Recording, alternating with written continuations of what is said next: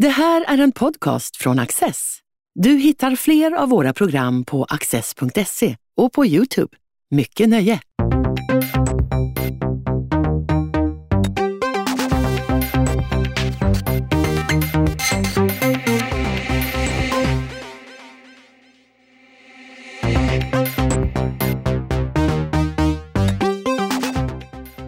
Andreas Johansson Heinö är doktor i statsvetenskap och förläggare på Timbro. Hans bok Anteckningar från kulturkriget handlar om en kamp om hur liberala värden kan förenas med nationella. Religionen, existentiella frågor och invandring möblerar om det politiska landskapet.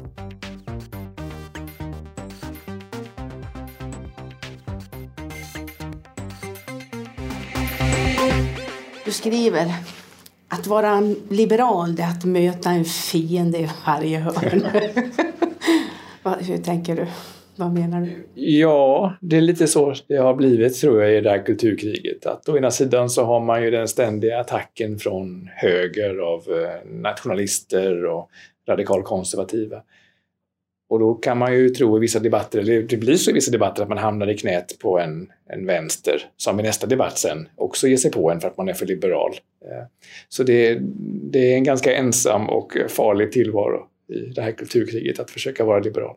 Jag tänkte att du skulle få förklara kulturkriget lite grann.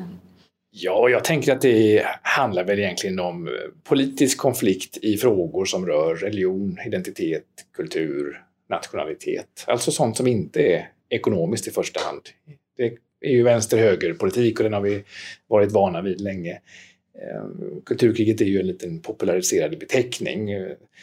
Vissa i, i eh, akademin använder det här med galtan för mm. att fånga den här eh, konfliktdimensionen. Andra beskriver det som en kulturell värderingsdimension.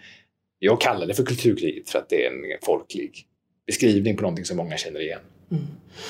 Du, du, du, skriver väldigt mycket om Sverigedemokraterna. Och Jimmy Åkesson, att han var nästan en av de första som sa det här om kulturkriget. Mm. Det är ju, tror jag, eh, dels så, så tror jag att kulturkriget har varit en förutsättning för Sverigedemokraternas enorma framgångar. Det är tack vare att politiken har börjat handla mer om frågor om identitet och tillhörighet som efterfrågan också har vuxit på ett parti som intar en tydlig ståndpunkt i de frågorna och bryter av mot det som har varit en ganska etablerad mittenkonsensus kring synen på öppna gränser mot omvärlden och progressivitet i ständigt utvidgade rättigheter för minoriteter och så. Så det, man kan säga att det är en strukturell förutsättning för Sverigedemokraterna. Men sen har Sverigedemokraterna själva varit väldigt skickliga kulturkrigare. Mm. De har varit väldigt skickliga i att också sätta agendan, att formulera om frågor på ett sätt som har, gynnar dem och som gav dem ett försprång mot de andra partierna. Och man också själva, som du säger, använt sig av den här termen. Man har sagt att ja, men det är ett kulturkrig som pågår, när andra förnekat det. Mm. Och integrationsfrågan har väl nästan varit den bärande genom hela den här resan. Ja, i någon slags vid mening mm. så har det återkommit. Hur många ska få komma hit? Vilka ska få komma hit? Hur ska vi behandla de som har kommit hit från andra mm. länder? Mm. Du, alltså varför tror du just, varför, på något sätt alla partier har ju haft svårt att hantera Sverigedemokraterna, men varför just med Liberalerna tror du? Ja, jag är inte säker på att liberaler egentligen haft det svårare än vänstern har ju också haft jättesvårt och socialdemokratin har förlorat oerhört mycket och man har blivit splittrad i olika eh, falanger hur man ska mm. förhålla sig till de här frågorna. Men, men jag, jag är ju själv någon slags liberal och skriver lite till en sån publik, tror jag delvis, som jag försöker staka ut någon slags liberal väg och så, då, då blir det lite mer om det. Och, och, och, det tror jag det är svårt för att det här är ingen enkel endimensionell konflikt. Man kan inte maximera liberalismen genom att vara anti SD-ståndpunkten i varje fråga. Det är inte självklart mest liberalt att vara för mest fri invandring. Utan en liberal position kan ju vara att försöka hitta en balans här mellan att både respektera individers behov av att kunna få röra sig och söka sin egen framtid, men också samhällets behov av att det ska vara fungerande institutioner, förutsägbarhet, en reformistisk förändring. Mm. Så det liberala svaret är svårt. Mm. Du, du, kallar dig själv för en ofrivillig kulturkrigare. Det kommer från ja. din avhandling.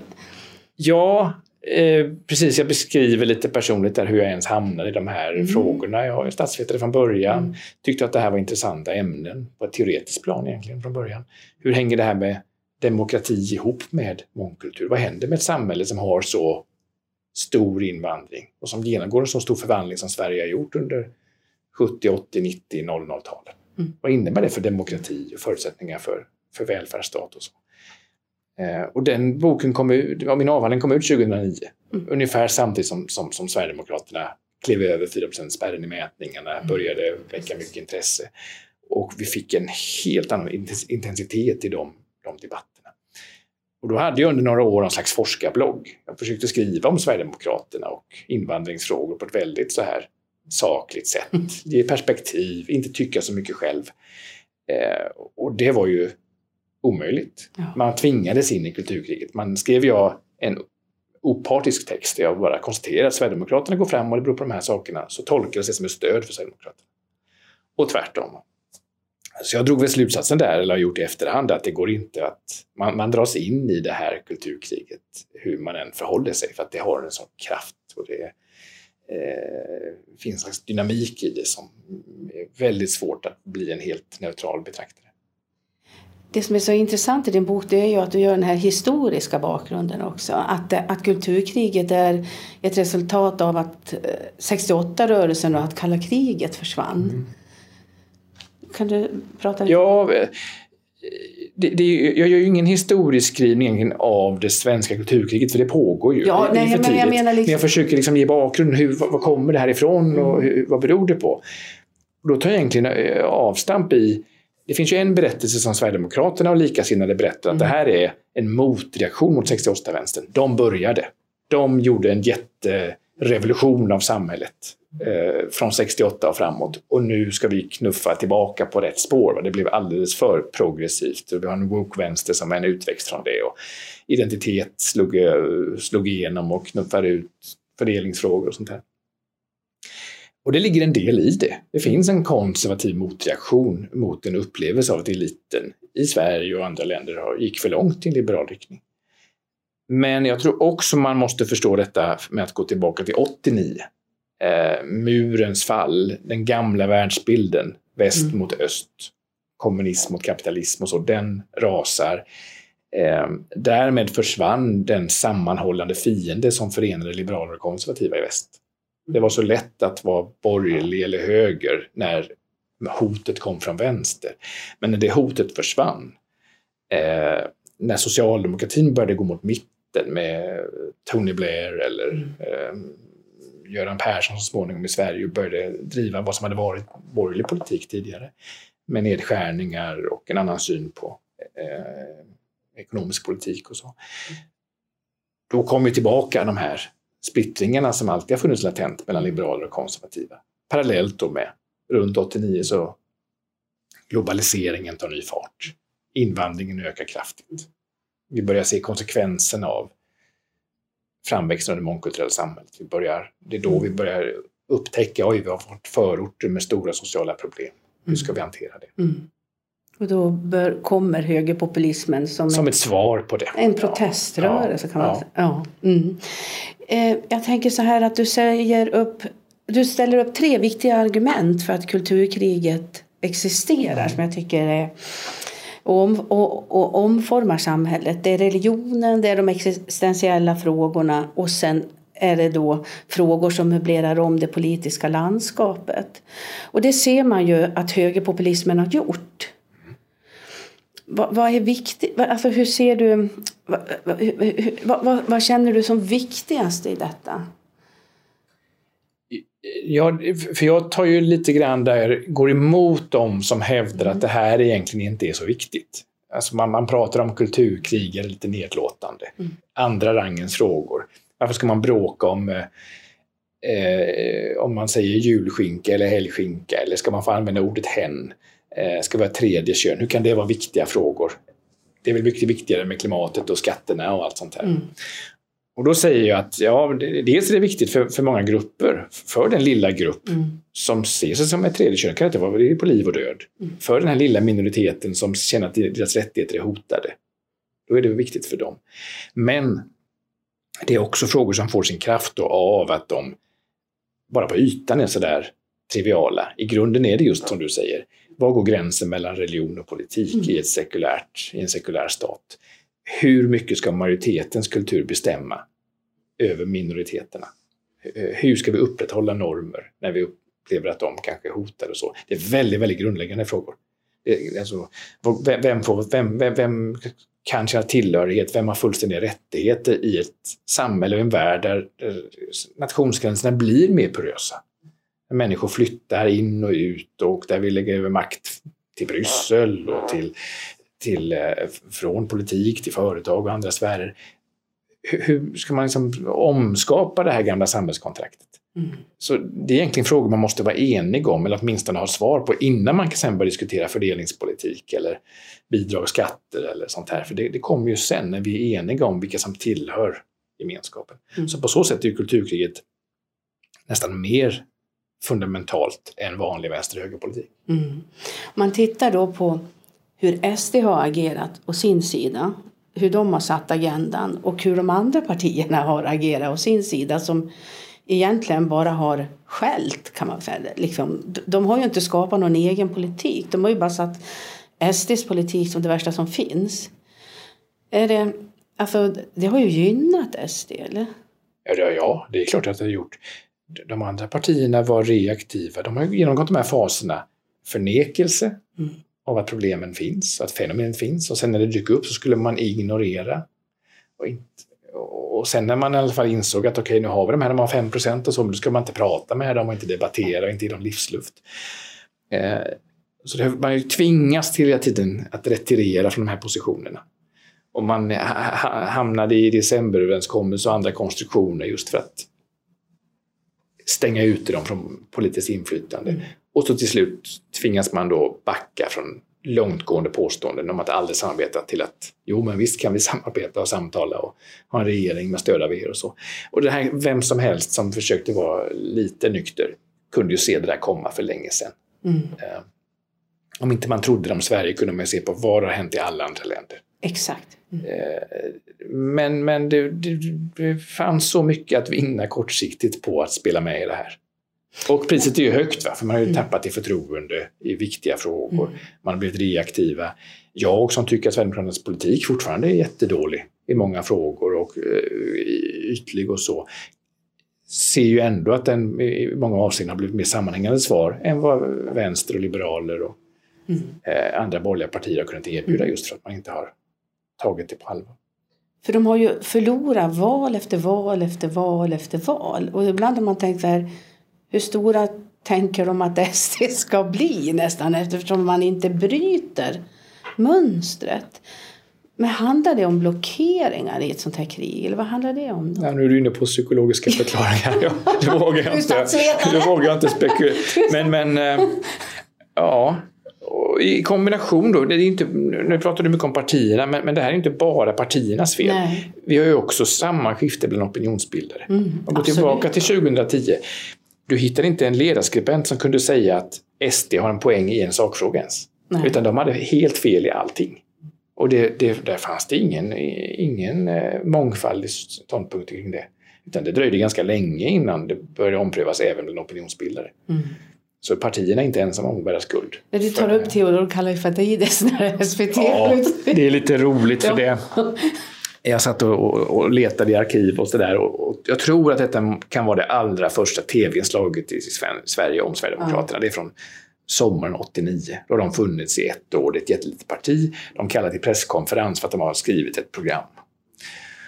Och då, då väljer då Aktuellt eller Rapport att, att eh, skicka dit en reporter eh, men ingen vanlig reporter, utan då tar man in Theodor Kallifatides. Det här är alltså 89. Det var ju den idén att i egenskap av invandrare var du expert på invandrarfrågor. Uh, och då ombads han då läsa programmet och kommentera och så sa han att ja, det är ju en samling losers det här. Mm. Och det där har ju hängt kvar. Det, har det här var förlorarna. De var förlorare, deras väljare var förlorare. Man skulle inte ta dem på allvar. Mm. Jag tyckte det är väldigt talande för, mm. för de misstag som har begåtts. Ja, för du Du, har, du citerar också PM Nilsson. Ja. ja, som säger liksom att SD vann eh, Ja. kampen om verklighetsbeskrivning. Men hur gick det till? Ja, precis. Det är, Ja. ju, det är ju, eh, där behöver det skrivas fler böcker som förklarar det mer utifrån just eh, hur man faktiskt lät det ske. Sen när man kommer in då på försvaret här, på alltså försvaret av liberalismen och liksom vad man ska kunna göra och liksom alltihop det här så, så säger du att eh, kulturkriget är en kamp om hur liberalerna och nationella värden kan förenas. Och då kommer man in också på det här med nationalstaten och nationalismen. Ja. Kan du liksom... Ja, alltså historiskt har det skiftat ganska mycket. Går vi tillbaka 200 år så, så var ju nationalismen, när det slår igenom som en rörelse tidigt 1800-tal i Europa, så är det på många sätt en liberal kraft. Det handlar ju om att eh, ge folken eh, frihet, rättigheter från förtryck i, i imperier och eh, auktoritära statsbildningar.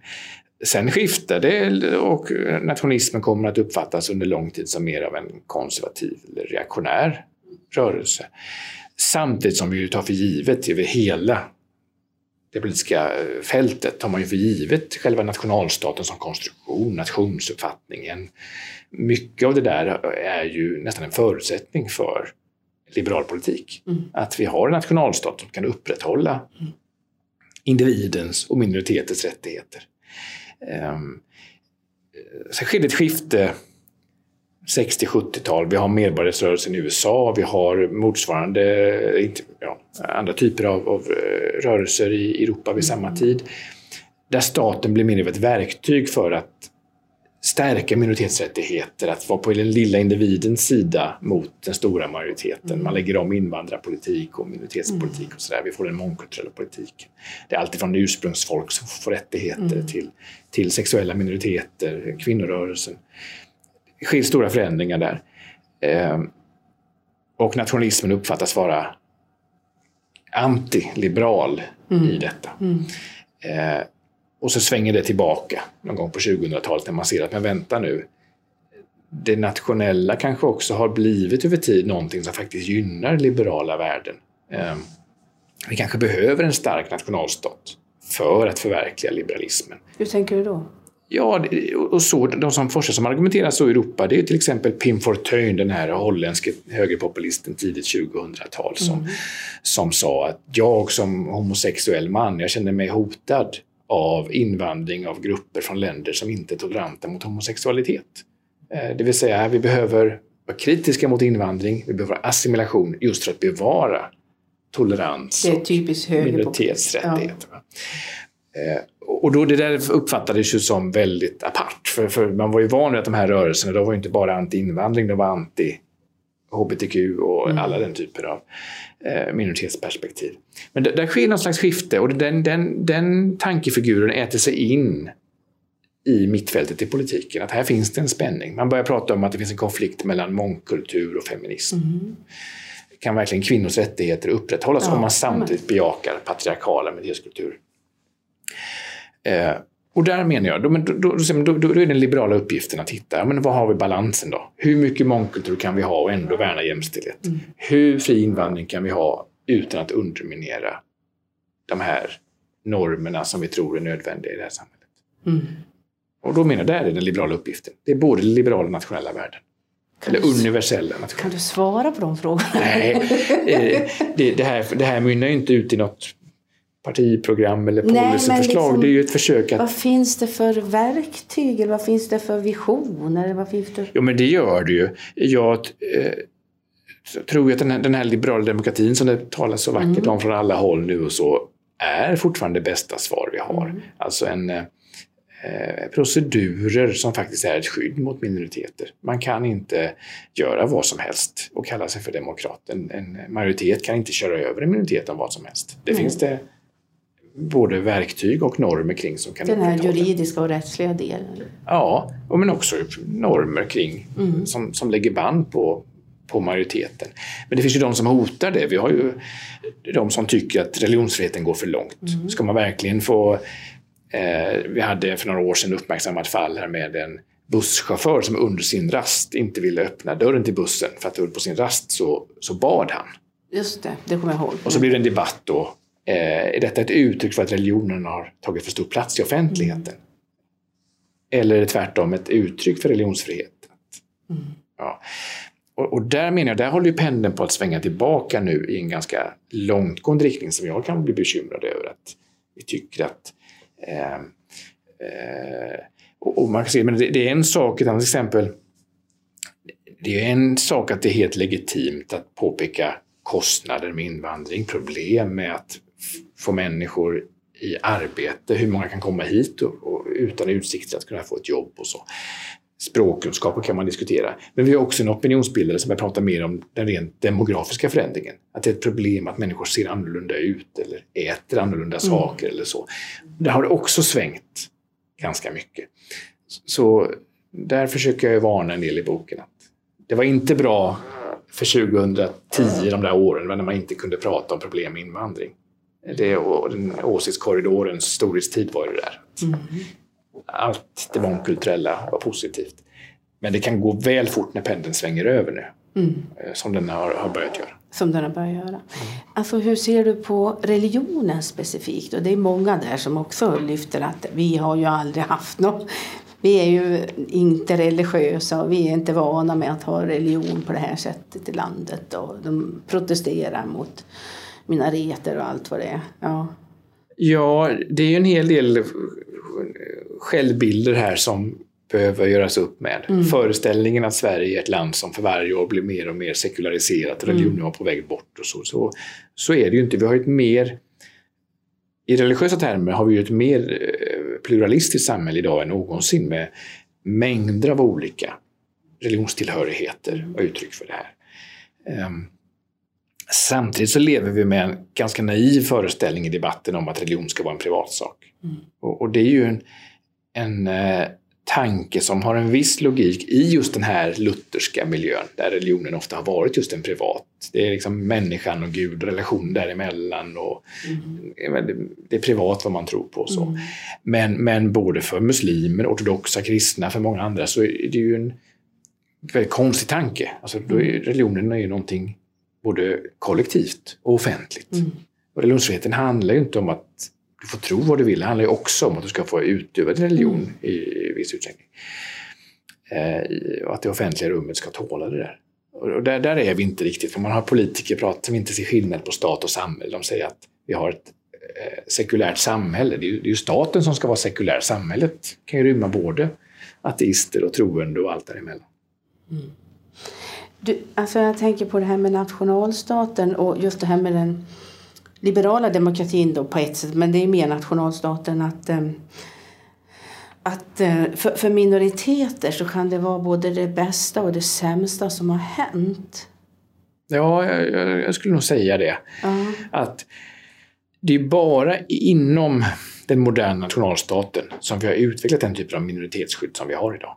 Det är ju ett historiskt faktum att, att de här staterna vi lever i, de är ganska bra på att faktiskt skydda minoriteter mot övergrepp. Men de är ju också väldigt farliga när staten används mot minoriteter. Eh, så det finns ju en oerhörd potential här att när majoriteten får, det, får, får greppet eh, och kan använda den makten fel. Eh, så, så där är också en, en balansgång som man behöver vara medveten om. Jag tror också att många av mångkulturalismens kritiker egentligen ser ganska positivt på en hel del av de minoritetsrättigheter vi faktiskt har. Eh, jag tror inte att det är så upprörande för många att vi har vissa skydd, eller alltså, minoritetsspråk till exempel, som har ett visst eh, skyddsställning och så. Det, det är sällan där debatten handlar, hamnar. Du ställer en annan viktig fråga själv som jag nu ställer till dig. Hur töjbar är svenskheten? Ja. Det, det, för att det finns ju ytterlighetsståndpunkter i debatten. Vi har ju dels den här nästan rasistiska idén om att svenskhet är någonting du har, ärver nästan fysiskt för att du föds till svensk och, och vi ska se med skepsis på förmågan att kunna bli det. Och sen har vi ju andra ytterligheter. Jag vet jag citerar det här eh, citatet. Eh, Åsa Romson, tidigare språkrör för Miljöpartiet, sa någon gång att alla som åker tunnelbana är svenskar i Stockholm. Det är varför ska man göra skillnad på folk och så? Och inget av de där ståndpunkterna är ju intellektuellt hållbara. Eh, bevisligen kan man vara svensk med olika bakgrund och bevisligen så är inte en turist och en medborgare här svensk på samma sätt. Men där, någonstans däremellan har vi en politiskt relevant fråga. Hur viktigt är det med den här svenskheten? Eh, det pratas ju mer om den. Vi hade diskussionen för några år sedan om svenska värderingar. Den har inte lämnat oss riktigt. Det är kvar i föreställningen om att det finns någonting eftersträvansvärt där. Vi vill, tror jag, eh, politiken utgår från det att människor som kommer hit och stannar också ska bli svenskar i mer än på pappret. Att de ska känna att Sverige är deras land och, eh, och så. Och för att det ska vara möjligt så krävs det en viss töjbarhet. Då krävs det ju att vi faktiskt kan ompröva. Och det tror jag vi har gjort på vissa sätt. Vi har omprövat hur man kan se ut och vara svensk. Det är inte så många generationer sedan som man tyckte att en, en svart person inte kunde vara svensk och man såg med skepsis på Ta Lucia-debatten. ja, ja det, den, den dyker upp eh, igen. Vad jag minns tidigt 90-tal, eh, uttalanden från sportkommentatorer på den tiden om att kan man verkligen se ut hur som helst och spela i svenska landslaget. Det var inte på riktigt va? om inte man, man var vit och, och svensk och sådär. Född i Sverige. Eh, så där har det skiftat över tid. Jag tror vi fortfarande sitter med för snäva normer kring språk och brytning. Vi reagerar för mycket. Vi är för, vi är för intoleranta mot triviala språkfel. Det spelar ingen roll om man bryter så länge man gör sig förstådd. Där borde vi anpassa oss mer. Eh, och sen har vi den här förvirrade diskussionen kring, kring värderingen då som jag tror är ganska skadlig. För att den, antingen blir det så brett definierat att de allra flesta eh, i, väldigt många länder kan sluta upp bakom idéer om jämlikhet eller demokrati och sådär. Eller så blir det väldigt partikulärt. Och vad är poängen? Med det. Va? Då är vi liksom nere på, på, på dalahästnivån ungefär. Va? Att, eh, det, det, det äger sitt värde men det kanske inte är relevant i demokratin. Men du som liberalist, då tänker jag så här, du säger så här, utan mångkultur, ingen demokrati. Och det är väl dit egentligen du vill komma? komma. Ja, men så, så, är, så tror jag att det är. Alltså, i, I en demokrati där människor har valfrihet att leva sina liv på olika sätt, då frodas ju olika kulturer både de man kommer med, föds in i, men och subkulturer som kan utvecklas och så. Det är ju en fullständigt naturlig del i ett fritt samhälle. Att människor kan leva i olika kulturella grupperingar, att man som individ kan känna tillhörighet på en massa olika nivåer till olika typer av gemenskaper. Mm. Ehm, och gör, man gör olika val, föräldrar kommer vilja uppfostra sina barn på olika sätt. Och då vet man som förälder att uppfostran räcker bara en liten bit. Va? Samhället gör ganska mycket också. Men det kommer ändå påverka. Vi kommer ha olika normer, även på sånt som är svårt. Även på sånt där som handlar om könsroller, eh, syn på äktenskap, eh, moralfrågor och så. Där, I samhället så finns det olika uppfattningar och de kommer att fortsätta vara olika så länge vi inte har en förtryckande stat som tvingar människor att åtminstone låtsas att de är mer lika än vad de är. Är det en lyckad demokrati, eller liberalism för din del? Är det, är det, det är så du tänker kanske, att du har det där?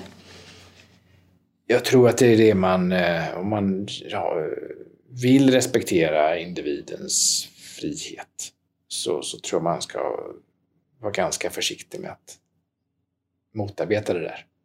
Sen kan det behövas, sen behövs det gemensamma institutioner.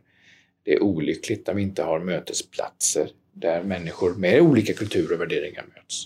Det är ett jättebekymmer med en skola som blir mer segregerad eh, och så vidare.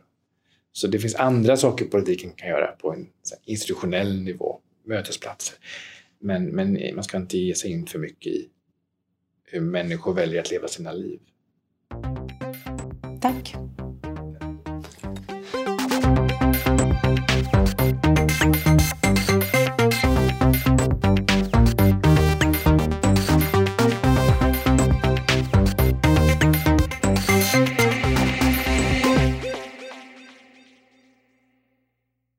Du har just lyssnat på en podcast från Access. Du vet väl att vi också är en tv-kanal och tidning? Teckna en prenumeration idag på access.se.